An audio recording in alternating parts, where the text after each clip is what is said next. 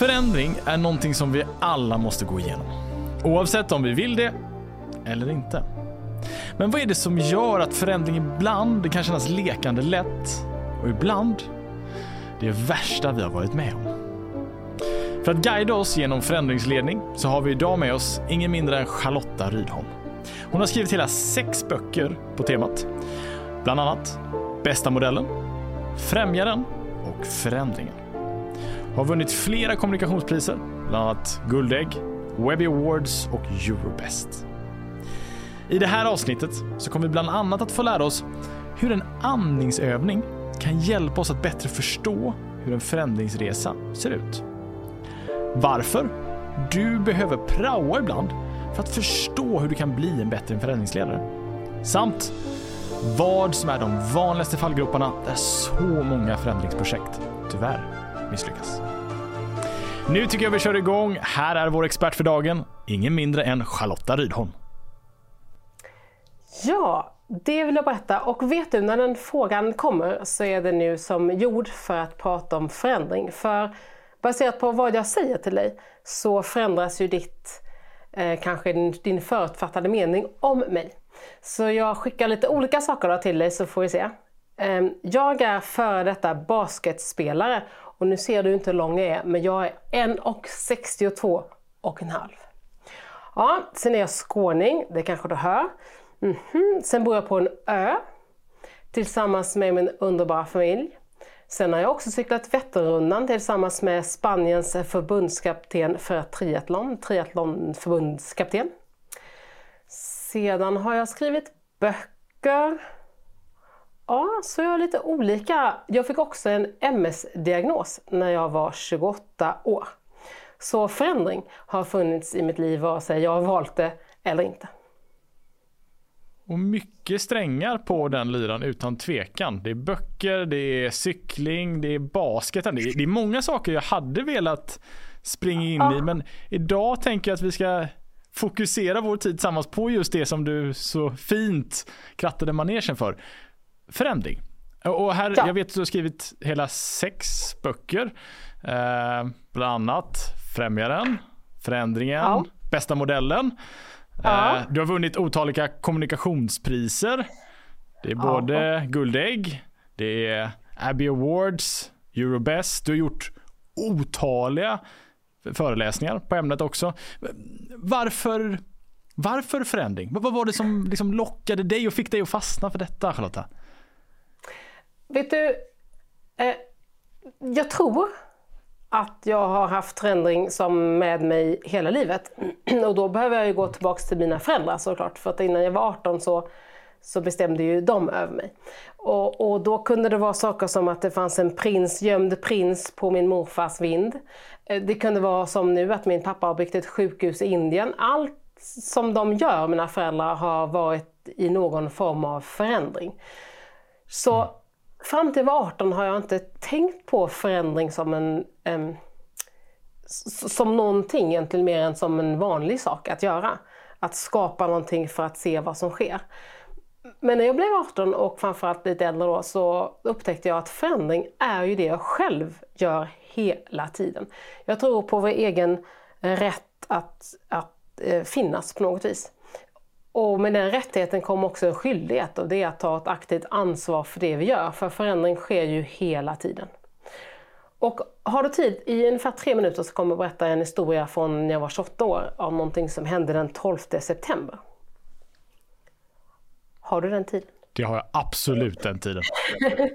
för då ska jag berätta att den 12 september, då satt jag i ett väldigt tråkigt rum med vita väggar, ingenting på väggen. Jo, en sak på väggen. Det eh, nervsystemet fanns på väggen i en sån här gammal vet, karta. Eh, I övrigt var det ett ganska vitt rum, det fanns inga gardiner, det fanns en lampa. Den var släckt för att det var vid tolvtiden på dagen. Och det fanns ett bord framför mig. Och bakom det bordet så satt en läkare som hette John Hanko. Han var expert i, inom neurologiska sjukdomar. Och bredvid mig på stolarna så satt min mamma och min pappa. Och Jan Hanko lutade sig långsamt över det där bordet som var ganska stort och fullt med papper. Och satte fingrarna ihop och sa ja. du har MS, multipel skleros. Och jaha, sa jag och frågade, för min första tanke var, kommer jag att bli förlamad? Varpå han svarar, ja. Och jag tänkte, alltså så kan du inte, så kan du inte bara säga. Men han andades och sa, det kan också din pappa bli. Och det kan också din mamma bli. Ni kan alla bli överkörd av en buss och bli förlamade. Skillnaden är kanske att om du blir överkörd så vet du hur din buss ser ut. Och på något vis så tänkte jag att, ja, it is what it is som Sherlock säger, eller det är vad det är. Det är vad det är. Den förändringen var någonting jag, den bara kom och den fanns. Vi kan tycka mycket om den, jag kunde tycka mycket om den. Jag kunde också lite grann som John Hanko på något fint sätt sa till mig, gör vad du kan med detta besked, det vill säga nästan ingenting. Det var ett fint sätt att ha en förändring, för förändringarna kommer att komma. Så vi behöver vara förberedda på dem och ta, om, ta dem om, om hand om dem och se dem och vidare vända på dem. Vi behöver inte värdera dem direkt och vi behöver inte tycka någonting om dem direkt. Vi kan bara se att ah, nu kommer en förändring. Mm. Ja. Den här typen av förändringar har ju... Nej, ja, det, det, var egentligen hur du hamnade här. Alltså vad var det som ja. lockade? Jag tycker att det, det är en väldigt eh, illustrativ berättelse om, om hur ja. Stora förändringar du varit med om och också en inblick, ja. i alla fall en liten inblick i hur du har valt att tackla dem. Ja, och jag tror att det följde med mig sen, för sen var ju ganska mycket som du, eh, som du vet om i kommunikationsbranschen och det fanns ju priser och det fanns allting. Vi blir ganska ofta värderade på vår kommunikativa förmåga i kommunikations och reklambranschen. Men det råder ju en ständig förändring. Alltså eh, mm. hela omvärlden förändras ju otroligt snabbt och även då vi som fick ta del av kundernas eh, efterfrågan och vad de ville att vi skulle skapa i ganska snabb takt. Och där märkte jag att inte alla, väldigt få kanske jag ska drista mig att säga, mådde bra av förändring. För vi hade inte fått någon utbildning i förändring eller någon kunskap om det. Förutom jag då rent personligt så att säga, av den här 28-åriga eh, kunskapen då som John Hanko gav mig. Och då märkte jag att mm -hmm, det här med förändring, det sker ju hela tiden. Varför lär vi oss ingenting om det? Och så börjar jag skriva ett gäng böcker. Så häftigt. Jag, blir både inspirerad och väldigt... Det är många, det är många delar jag skulle vilja liksom zooma in på här. Men om, om, vi bara om vi liksom dubbelklickar och zoomar in lite där i ditt 21-åriga jag. Du, du faller ganska direkt in och säga, det var ju självklart för mig att bara liksom, hur tacklar jag detta då? Vad fick dig att ha den inställningen att liksom bara acceptera det där och då? För det finns ju många andra vägar man skulle ja. ändå kunna välja. Ja, alltså alternativet var inte aktuellt för mig. Var, alternativet var att leva i någon slags ovetande eh, framtid som vi ju alla faktiskt har. Vi alla har, i alla fall mig veterligt, så av de åtta miljarderna på jorden så är det få av oss som vet exakt vad som kommer att hända tio år fram. Eh, så antingen kunde jag, för att jag fått någon slags sneak peek på vad som skulle kunna hända, så skulle jag kunna gå den vägen och ja, jag vet nog. Och någon gång skulle jag kunna säga då, jag visste väl det. Ja. Men jag valde att tycka det var lite roligare att gå framåt med att lära mig att hantera en förändring. För att om det tio år senare skulle hända någonting, den här bussen skulle komma, då hade jag inte behövt säga, jag visste väl det. Utan då hade jag kunnat säga, ah, nu vet jag, du kom. Jag hörde talas om dig för tio år sedan. Nu har det gått 20 år och nu ser du inte mig, men här står jag och hoppar lite igen. Så jag är inte förlamad än.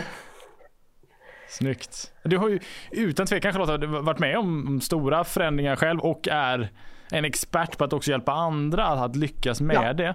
Om du bara försöker liksom beskriva lite för lyssnarna här. Vad är vad är vinningen med att vara bra på att förändras i det samhälle som vi lever i idag? Jag tror att det samhälle som vi lever i idag är snabbrörligt. Det har vi hört på olika sätt. Och nu senast så kanske, ja, nu allra senast eftersom vi ju spelar in detta under en sommar när det är väldigt varmt och det är väldigt regnar på vissa ställen och väldigt varmt på andra, så märker vi att hela jorden förändras. Vi har också kanske några av oss hört talas om ChatGPT. Eh, och, vilket sätt av förändring. Så förändring sker i organisationer och i människan och i samhället, vare sig vi vill eller inte. Och då är det lika bra att vara lite, vara lite förberedd. För det förbättrar vår konkurrenskraft som företag. Det ger oss också någon slags eh, flexibilitet, någon flexibel förmåga att ta oss an en förändring. Att, ah, istället för att döma direkt, det handlar mycket om att inte bedöma, döma och värdera direkt utan vänta lite. Ah, nu kom den här förändringen. Nu kom den här chatt, var 17 med tre korta bokstäver. Istället för att direkt säga att det är inte vi. Du behöver inte säga det. Du kan bara ändra perspektiv, lära dig om det för att sedan ta ett beslut. Och är du en del av en organisation så kanske det är så, vare sig du som individ tycker om eller inte tycker om någonting, så har eh, du, har du valt att vara en del av en grupp som är en del av en organisation. Och den där organisationen, om någon ska, den ska kunna få vara med i en osäker framtid och göra den säker, trygg och flexibel, så, ja, så behöver vi nog anpassa oss och gilla förändringar. Vi behöver liksom inte förändra för förändringens skull. Vi behöver ändå tycka att ah, nu förändrar vi oss. Då gör vi det. Och så har vi en plan för det. Podden fortsätter strax, men först några korta ord från oss bakom podden. Vilken effekt får dina utbildningar på dina deltagares vardag? Vilka nya beteenden och vanor skapar de när de kommer tillbaka till sin vardag efter din utbildning? Om du känner dig osäker på svaren på de här frågorna så har vi skapat Noli för dig. Vi på Noli har utvecklat ett digitalt verktyg där du som ansvarar för en utbildning kan erbjuda dina deltagare personliga lärresor som stöttar dem före, mellan och efter era träffar. Optimalt i era ledarprogram, men också för er onboarding, där inte bara medarbetarna utan också medarbetarnas chefer får rätt stöd i precis rätt tid. Ett perfekt komplement till ert existerande LMS för att maximera effekten av er ledarutveckling och er onboarding. Är du nyfiken på att veta mer om Noli så finns det mer information på noli.com eller i beskrivningen här nedan. Nu fortsätter podden. Jag är nyfiken på att se om vi kan bli riktigt ja. konkreta och praktiska. I, i, ja. Vad är det faktiskt vi gör när vi förändrar oss? Och jag har gjort den här övningen vid ett par tillfällen tidigare. Jag tycker om att liksom få, få, få, leka lite av att vi är en, en dokumentärfilm. Så om, om ja. eh, vi har en dokumentärfilmare som, som följer dig Charlotta, som gör en riktigt, riktigt bra förändring. Jag är nyfiken på att höra dig berätta om vad jag kommer se på den här dokumentärfilmen när vi tittar på den sen. Och, och om vi börjar först lite utzoomat och vi, vi, vi tar någon form av, säg ett förändringsprojekt. Ja. Vad är liksom, om du tar med mig från allra första början, vad är det första vi kommer se i den här dokumentären där du börjar med det här förändringsprojektet? Ja. Du, det första, då skulle du se tre stycken ord som är förstå, förändra och förädla. Det är de tre första orden du skulle se. Och för, mm. att, för att kunna förändra någonting nämligen så behöver du kunna förstå det. Och förstå din egen del och din egen viktighet i det. För att sen förändra på olika sätt. För att sen kunna också förädla ett beteende eller en process eller en organisation. Vad det nu är, högt, lågt, vitt, brett. Ja. Och sen behöver den oftast göras om. Ah, då har vi en ny process, då behöver vi förstå den för att kunna förändra den, för att kunna förädla. För en förändring är ju aldrig stillastående. För, med, ordet förändring handlar ju om att allting ändras. Så vi behöver först förstå varför jag är där, varför gruppen är där, varför organisationen är där. För att kunna våga oss på en förändring, för att kunna se, aha, det här förädlade den här förädlade processen, det här förädlade uttrycket, den här förädlade gruppsammansättningen gör att vi kan ta oss an en förändring bättre. Och så förstår vi den. Förstå, förändra, förädla. Snyggt. Om, vi bara, om, jag, om jag dubbelklickar på förstå lite. Ja. Vad, vad ser jag dig göra när du hjälper andra personer att förstå? Ja, då brukar jag faktiskt börja med en fråga som är Vad vill vi fira när mötet, workshopen, processändringen, förändringen, vad det kan vara, är klar? Alltså vad vill vi fira? Det vill säga vad ser vi fram emot när vi har gått igenom förstå, förändra, förädla? För om vi vet det och skapar en gemensam, jag slarvar ibland på engelska och kallar det för common ground, någon slags eh, gemensam vision, gemensam behov, någon slags gemensam plattform. När vi vet det där, aha det här ska vi fira just nu. Sen kan vi om tre veckor fira någonting annat men den här processen, den här förändringsledningen, den här processen, den handlar om att fira detta. Ah, jag förstår min del i det, jag förstår din del i det, jag förstår gruppens del i det och jag förstår varför vi gör det som organisation. Då kan jag nästan luta mig tillbaka och börja fira och sen luta mig framåt och okej, okay, nu börjar vi förändra. Vad kan jag göra? Vet jag inte det där så händer det ganska mycket armarna kors och ganska mycket nah, det där har vi provat för 20 år sedan, det funkar inte då. Vet inte om du känner igen de här meningarna, påståendena. Nah, mm, lycka till, det där är en fluga. Mm, mm, mm ja, jag vet inte om du känner igen dem där, men eh, många av oss känner igen de här i alla fall. Absolut. vi vill, inte, vi vill inte vara där riktigt. Ja, så det är väl scen två då. Mm. om du zoomar in under förstå. Eh, så då behöver vi planera, organisera och också kommunicera såklart att vi ska, snart ska vi in i förändringen. Så vi behöver mm. förstå den och kommunicera stegen framåt. Just det. Ja. Och vad är typiska, för det där tror jag många liksom ändå eh, ser framför mig att många som lyssnar nu nickar och liksom ja, måla upp det här önskade läget. Vi har en gemensam bild av ett nuläge. Mm-hmm. Nu ska vi till det här lilla planera och kommunicera. Vad, vad är vanliga fallgropar vi ofta faller ner ja. i här och hur, hur, ser du till att inte falla ner i dem? Ja, där handlar mycket om eh, assumption is the mother of all facts. Alltså, alltså, tro inte att bara för att du vet exakt vad som ska hända, att alla andra vet det. Och här är en viktig skillnad, för här handlar det inte om att oh, vi ska ta in allas åsikter, utan någon av oss, ledningen ofta, har ju bestämt att en förändring behöver ske. Men hur den sker och hur den kommuniceras, det är helt olika saker till att den ska ske. Så att någon har bestämt det, ja, det är bestämt. Men hur det ska ske och vilket bidrag jag kan bidra vad jag kan göra. Jag är ju ändå anställd, vad kan jag bidra med? Det behöver kommuniceras väl och då behöver vi prata med varandra. Vi behöver gå från information, en sändare, en mottagare, till kommunikation. Eller till samtal som du och jag har nu. Mm. För att våga Vad är vanliga saker som gör att... Vad är vanliga saker som ofta gör att man fallerar här? För jag tror att det är många som har svårt ja. den här delen. Vad är det man går lite fel kring? Och där tror jag att många går fel i att, eh, eh, om vi får vara så slarviga och säga ledningen. Om vi, ja. vi kan ha det som ja, en grupp. Absolut. Att ledningen har redan identifierat en utmaning, har gjort om det till någon slags förändringsbehov, har satt allt det där, har satt kanske mål, gjort sådana kopior, vet, alla de här eh, förkortningarna som, som bara wow, det här är gjort, det här ska vi klara av. Och sen ska vi bara berätta det för de andra. Nej. Mm. En ledning är ofta då två år framför. Utan det, det, är jätte, det är otroligt värdefullt naturligtvis för en organisation att det, är, att det är klart och vi vet varför vi ska göra det. Att, det vill säga att organisationen vet varför. Men jag är ju en del av organisationen. Jag behöver också veta varför jag ska göra det. Och vi behöver återigen se skillnad på att det är inte så att jag ska bestämma mig för om nej, jag gillar inte det här eller inte. Jo, jag är anställd av en anledning, men jag behöver veta varför. Mm. Så en ledning kan inte då bara assume och förvänta sig att men det fattar du väl? Nej, jag behöver förstå vad jag ska göra.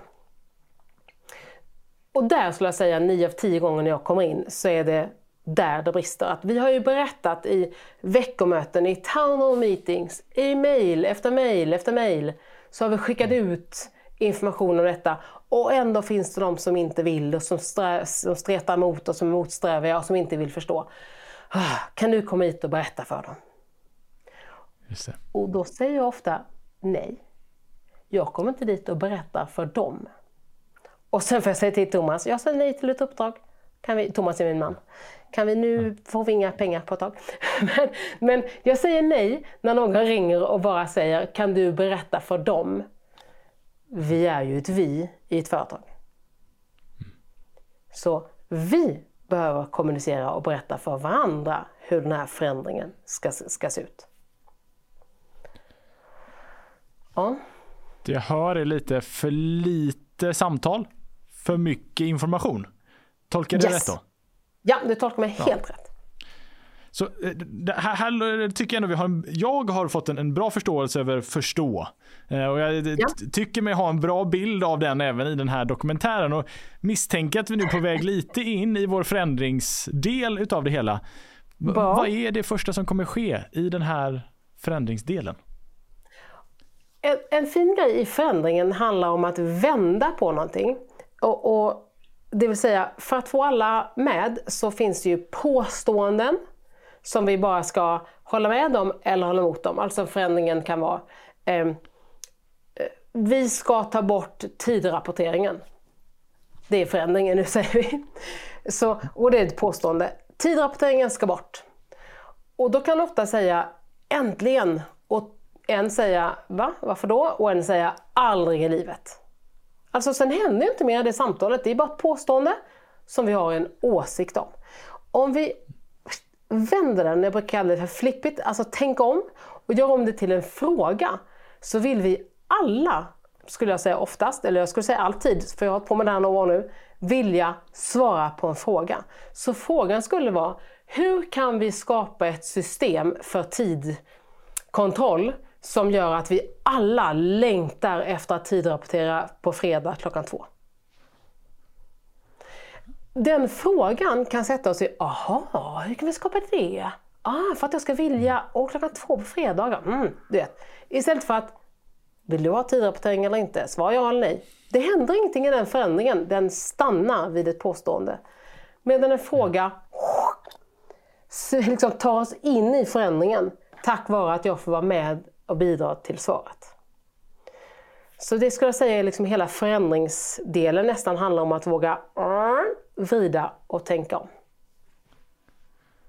Öppna frågor egentligen, där vi vågar lyssna på de som är en del utav det. Ja, du vet appreciative inquiry det finns ju en, en som heter något som heter. Alltså att våga, att istället för att påstå saker våga ställa frågor. Och då kommer vi ganska nära till vilka frågor då och vad finns i frågorna? Ganska ofta ord. I alla fall i mina frågor. Och då kan vi med bara ibland tänka på vilka ord som är viktiga och vad de betyder. Och jag brukar ta exempel på ordet måste. Som vi skulle kunna ersätta så ofta vi bara kan med orden vilja, välja eller behöva. Det är roligare för mig att ha ett samtal med dig om jag får lov att känna att jag vill ha ett samtal med dig. Vilket jag ville och vill nu. Och jag väljer att stå här bredvid dig, i alla fall här i, i fönstret, och prata om detta. Men jag måste inte. Så vi måste kanske inte förändras. Vi kanske behöver säga upp alla, vi kanske måste stänga vårt företag, men vi måste inte. Men kanske vill vi förändras. Vi vill kanske bli duktiga på förändringsledning. Vi väljer att skapa utbildning om förändringsledning för vi behöver förändras för att kunna bli konkurrenskraftiga i framtiden. Ja. I förändringen ligger det ju också en hel del görande. Alltså nu Ja. har vi pratat mycket om att, att förstå, att vara med och, och skapa den bilden utav vad vi ska göra. När vi ska få folk att börja göra förändringen då, vad, vad blir avgörande för att lyckas med det? Jag, jag tror att ganska mycket handlar om att vi känner att vi är viktiga. Alltså att vi får vara delaktiga. Och, och det finns en kvinna som heter Myrna Lewis som eh, bor i Sydafrika som har tagit fram något som heter Deep Democracy. Som handlar ganska mycket om att se även det så kallade förlorade laget, alltså de som vill någonting annat än det som har vunnit, om det är en omröstning eller vad det nu kan vara. Och det handlar inte om att säga ah, ni två förlorade, antingen åh synd om er, eller ni två förlorade struntar vi i. Utan det handlar om att säga ah, ni två, er åsikt kommer inte att funka, det är hit vi ska. Men vad kan vi göra för att ni ändå ska vara med i vägrenen? Ni behöver inte vara längst fram, ni behöver inte gå med flagga längst fram, ni behöver inte lägga omkörningsfilen.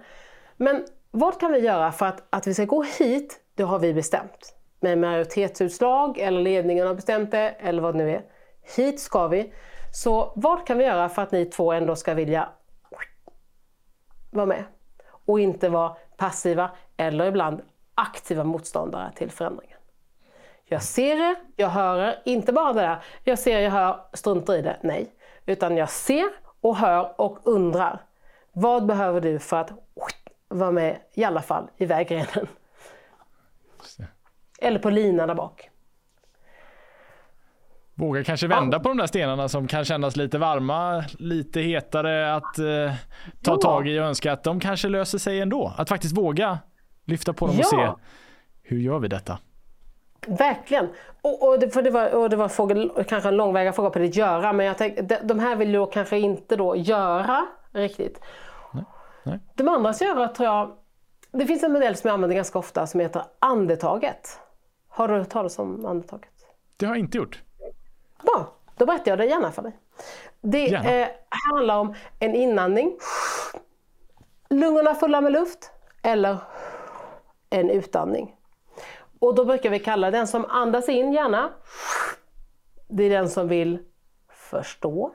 Eller den som tar in eh, konkurrensanalyser, mm, insikter, rapporter, forskningsresultat. Lungorna fulla med luft med syre, alltså den som vill ta in för att lämna över till den som vill vara i mitten. Med lungorna fulla med syre och luft eller insikter, rapporter, analyser. Ah, hit ska vi gå. Detta är förändringen, kommer ni ihåg? Förstå här. Förstå, förändra, nu är jag förändra. liksom lungorna fulla med luft. Ah, eller så vill jag vänta, jag litar på. Förstå är gjort, inandningen. Jag litar på lungorna fulla med luft. Någon gång behöver vi andas ut. Och då är vi hos dem som tycker om att förädla någonting. Förädla en insikt som är gjord i förstå. Förädla ett koncept eller idéer eller en förändringsprocess. Och göra det. Och det fina med andetaget tycker jag är att det är omöjligt att göra en inandning om inte du har gjort en utandning. Det är omöjligt att jag har lungorna fulla med luft om inte du har gjort en inandning. Och det är också omöjligt att andas ut om ni inte har lungorna fulla med luft. Så vi är beroende av varandra. Och då ser vi också vem som gör vad när. Och beroende på vad frågan är, om jag pratar om dig i din, ditt privatliv eller i din organisation eller i ditt eh, föreningsliv så, så har vi en tendens att vilja stå på olika. Och med åldern ibland står vi på olika. Men vi ser ändå att vi, ah, så här gör vi. Jag väntar på dig och beroende av dig för att, ah, och du är beroende av mig för att nu andas ut. Och det underlättar ganska mycket, eller väldigt mycket, ett görande i en organisation. Att se att vi är delar av en helhet eller av ett andetag i det här fallet. Podden fortsätter strax, men först några korta ord från oss bakom podden. Låt väl valda experter utbilda dig. Docens erbjuder underhållande och inspirerande utbildningar för företag utan att göra avkall på kunskap och fakta. Du hittar kurser i populära Office-program som till exempel Excel, Powerpoint, men även specialkurser för olika roller på ert företag. Det kan bland annat vara stresshantering, sälj, presentationsteknik eller min egen kurs i hur du lär dig mer och bättre. Docens unika kursmall och specialanpassade verktyg underlättar för kompetensutvecklingen ute på företagen. Vill du och ni bli en lärande organisation så är Docens ett steg på vägen. Läs mer på docens.se eller i beskrivningen här nedan. Nu fortsätter podden. Bara så att jag nu i utandningen, nu rörde vi oss in i förädlingen. Mm -hmm. Vi lämnar liksom lite förändringen så börjar röra oss in i förädlingen. Har jag förstått ja. rätt då? Ja. Snyggt. Om vi, om vi nu då eh, liksom lämnar lite i, i vår dokumentärfilm, vi lämnar förändringen lite bakom oss och, och stannar in lite mer i förädlingen. Vad, vad, ser vi de här personerna som då är utandningen? Vad, vad ser vi dem göra om vi, vi ser dem en, en, en vanlig dag? Hur ser jag att ah, den här personen andas ut? Ja, ja, det är ofta den som, som verkligen gör saker. Alltså här i Förstå är det görande i form av en leverans in till mm. ny leverans, koncept, idéer, så här ska förändringen se ut. Här är ju den operativa görarna. Kan man säga så? Mm. Alltså genomförarna. Absolut. De som, som är operativa som gör det. Om det här är då strate slarvigt, strategerna i Förstå, inandningen, så är det här kanske slarvigt kreatörerna. Alltså, wow, allt det här kan vi åstadkomma. Och lite slarvigt sagt då så är utandarna genomförarna. Som ser till att det faktiskt blir gjort. Det som är gjort där och skickat vidare hit, det som är gjort här skickat vidare dit. Nu blir det genomfört hela vägen. Mm. Och om jag nu då är en, om vi säger att jag är en, eh, lite slarvigt här, strateg. Och ja. jag ser att det är en hel del görande. Vad är saker som är viktigt för mig att tänka på här som strateg? Eh, eh, det här fina andetaget skiftar ibland för att om vi nu är en organisation, nu, ja, vi är en organisation och sen eh, närmsta två veckorna så ska vi lansera någonting stort. Då kanske alla under två veckor behöver klättra till genomförandefasen. För att vi behöver hjälp. Alla behöver vara där. Risken är bara att vi ibland tenderar att stå kvar.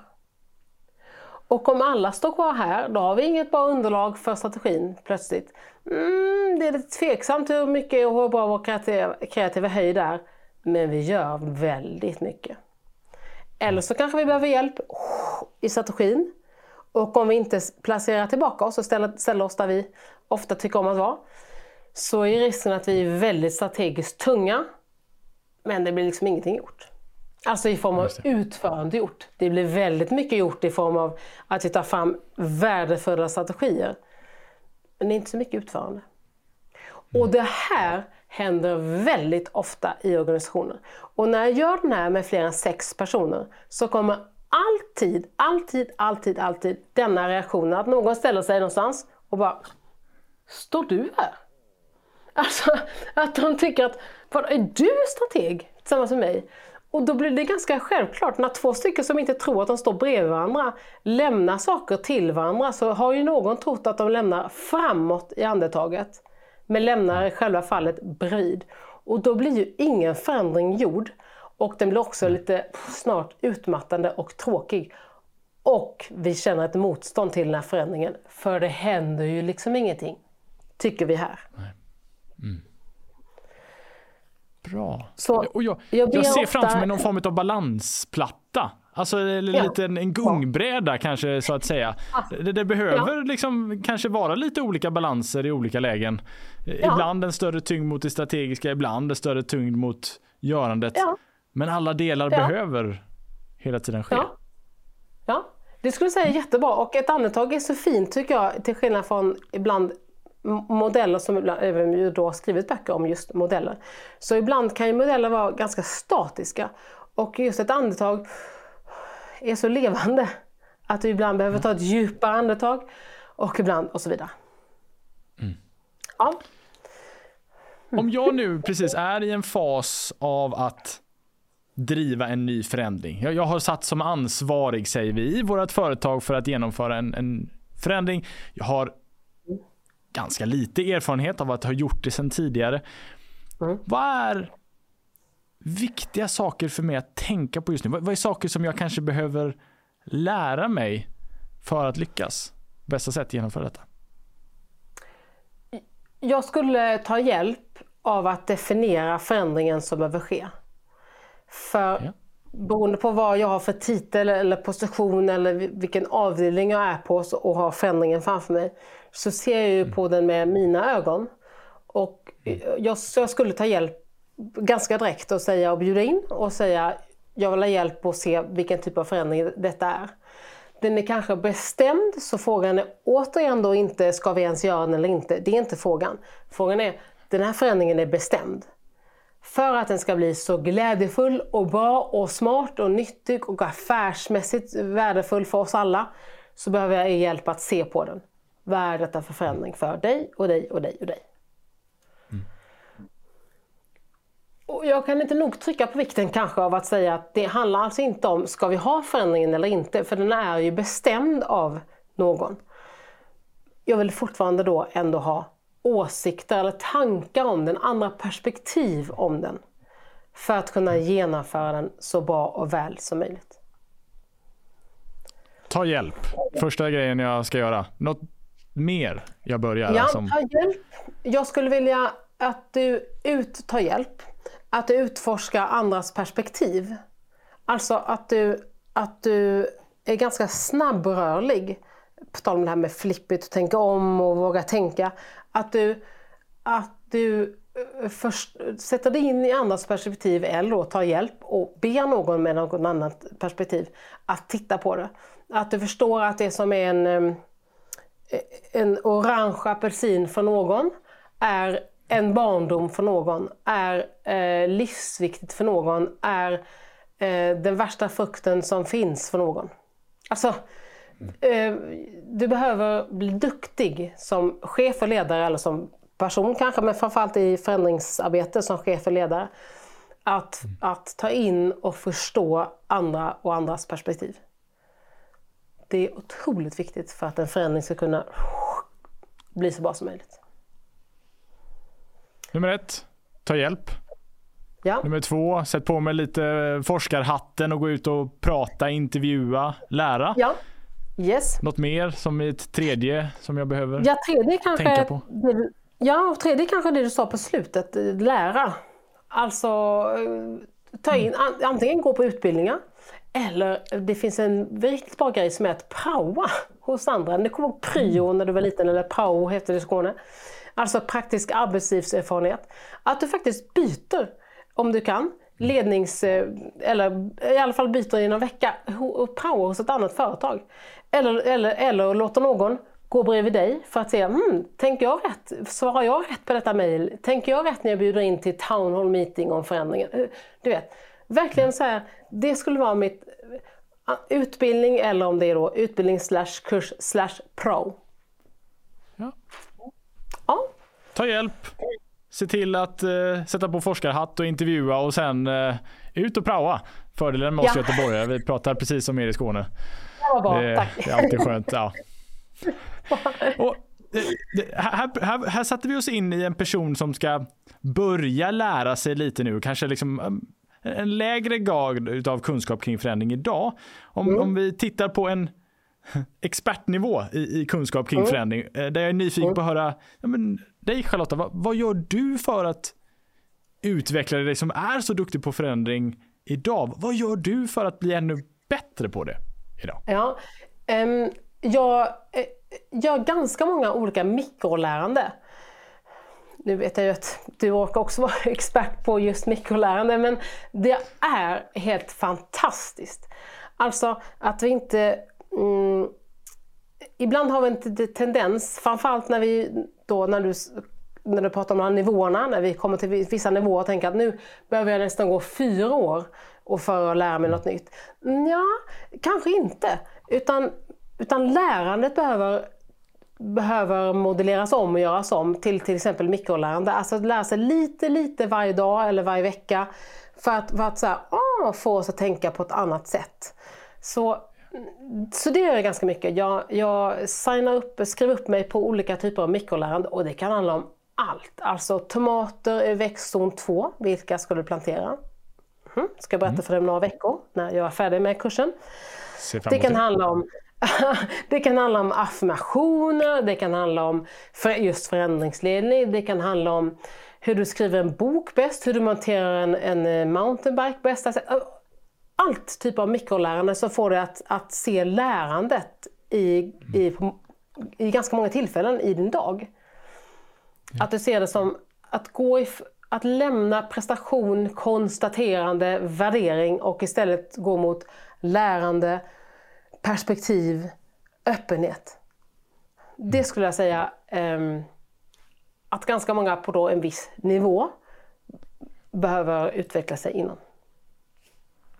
inte måste. Och det här, här förstår jag ju, nej men precis. Och det här förstår jag väldigt, det här blir väldigt eh, eh, men, eh, subjektivt för dig, men jag är fortfarande nyfiken på att höra det. Vad, vad skulle du säga har varit den mest värdefulla investeringen du har gjort i ett mikrolärande? Värdefulla investeringen i ett mikrolärande? jag behöver förstå frågan. Ja. Min, det Vilken mest av dem mikro, mikrolärandena som du har valt att investera i. Eh, ja. Vad har gett dig absolut mest? Alltså, det, det har gått så många, så jag kan inte riktigt, men de som har gett mig mest är de som har fått, fått mig att och det är så populärt ord att säga att det skaver, så jag försöker hitta något annat då. Men alltså de som har fått mig att bli så här, va? mm. att, tänka, att jag behöver tänka till. Så att mina, ja. kallar det för fördomar eller tidigare kunskap, alltså gammal kunskap eh, är ju fantastisk. Så länge det är mm. just en kunskap och inte en sanning. Mm det är en stor skillnad. Så min gamla kunskap, alla mina eh, du vet, eh, poäng på universitet och högskolor och, och min Harvard-examen i Yale, all, alla de stora tunga sakerna, de är jättebra som kunskaper som jag har fått. Det är inte alltid de är sanningar. Men de är värda att ha och ibland värda att äh, tvivla på. Och det har mikrolärandet gett mig, att jag, att jag sitter och bara Va? Nej, är det sant? Mm. så att jag blir så lite utmanad. Åh, vad det är bra. Det är mycket, mycket bra. Så alla mikro, mikroutbildningar då, som har utmanat mig lite i form av att jag liksom behövt rynka pannan lite. De är där. Ja. Jag ser lite de här mikrolärarna som en, en vana som du har liksom skapat dig ja. och byggt upp över tid. En vana av att ja. arbeta med mikrolärande. Har du någon mer sån vana kring lärande förutom mikrolärandet som du ja.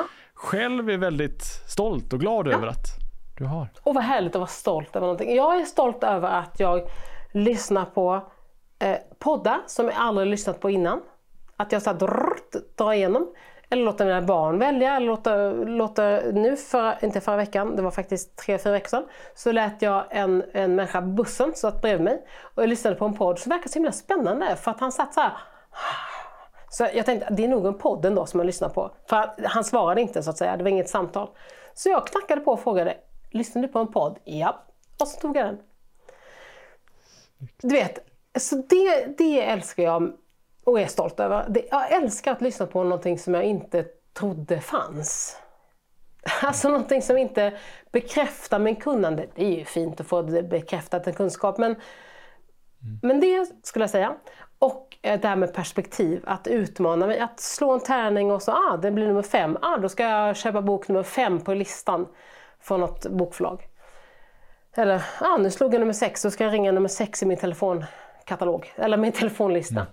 och säga hej. Eller, ah, utsätta mig för olika perspektiv. Gå på någon fotbollsmatch som jag aldrig trodde jag skulle gå på.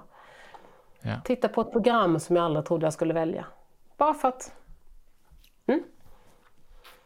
Det blir väl lite att nollställa även där tänker jag. Alltså det är lite det du gör. Jag hittar ett nollställning och ja. jag minns tillbaka lite till, jag hade ett jättebra samtal med Anna Tibelius Bodin för ett antal veckor sedan. Hon sa det att en av superkrafterna för att vi ska bli ännu bättre på att lära oss, det är att kunna mm. nollställa ja. vårt egna lärande ja. för att kunna ta till oss av nya saker. För annars är det så mycket fördomar, kunskaper som begränsar i vilken information vi låter, låter vara lyhörd för oss. Ja, jag lyssnade på det samtalet och jag håller verkligen med. Och jag, jag uppskattade verkligen det ni pratade om för att eh, det är så lätt annars att det nya jag tar in, att jag hela tiden jämför det med det jag har och, och, förlåt, och bekräftar eller dementerar, håller med, håller emot, håller med, håller emot och sen är det klart. Istället för att, vad är det jag lär mig? Det spelar ingen roll, jag bara bekräftar att jag kan eller inte kan. Och sen handlar det om den värderingen och det är inte där alls jag tycker lärandet sker. Det är en bekräftelse av en kunskap. Det är någonting helt annat som vi kan prata om i en annan podd. Om det är viktigt eller inte att bekräfta kunskap. Men lärandet sker precis som det ni pratar om när vi lite grann tömmer det gamla. Utan att, vi behöver inte tycka det är sämre, vi bara tar bort det för att ta in. Ja. Snyggt. Har du Charlotta någon bok som har betytt mycket för dig, haft viktiga inslag, ja men någonting som du verkligen önskade att, att fler läste eller tar del av? Ja, eh, det har jag. Jag har faktiskt Antingen när jag, när jag föreläser, när jag föreläser om facilitering, alltså som är en typ av just förändringslärande, eller lärande i förändring, eh, så, så brukar jag ofta ta fram ett bokbord och lägga fram 20-25 böcker för alla att ta del av. Och det finns två böcker på det bordet som handlar om just facilitering som de är ju där för. De andra böckerna handlar om någonting helt annat. Och en som jag ganska ofta har framför mig, som jag till exempel har framför mig nu, är eh, den här. Som heter Sagor för barn som vågar vara annorlunda. Oh. och jag tror att den här är, kommer sig av, jag ser att jag har den där uppe i, den här Godnattsagor för rebell, rebelltjejer kom ju för några år sedan. Men den här är underbar för det handlar just om sagor för barn eller vuxna som vågar vara annorlunda. Och så får du läsa om, ja, till exempel när läste jag om Andrea Bocelli född 1958. Eller så har vi Deng som är född 1980. Alltså, det är berättelser på en sida, eller ett uppslag, som handlar om människor i världen som gör saker som du inte alltid läser om i de gängse tidningarna. Utan som är, aha, så kan du också tänka, på tal om att återigen tänka annorlunda.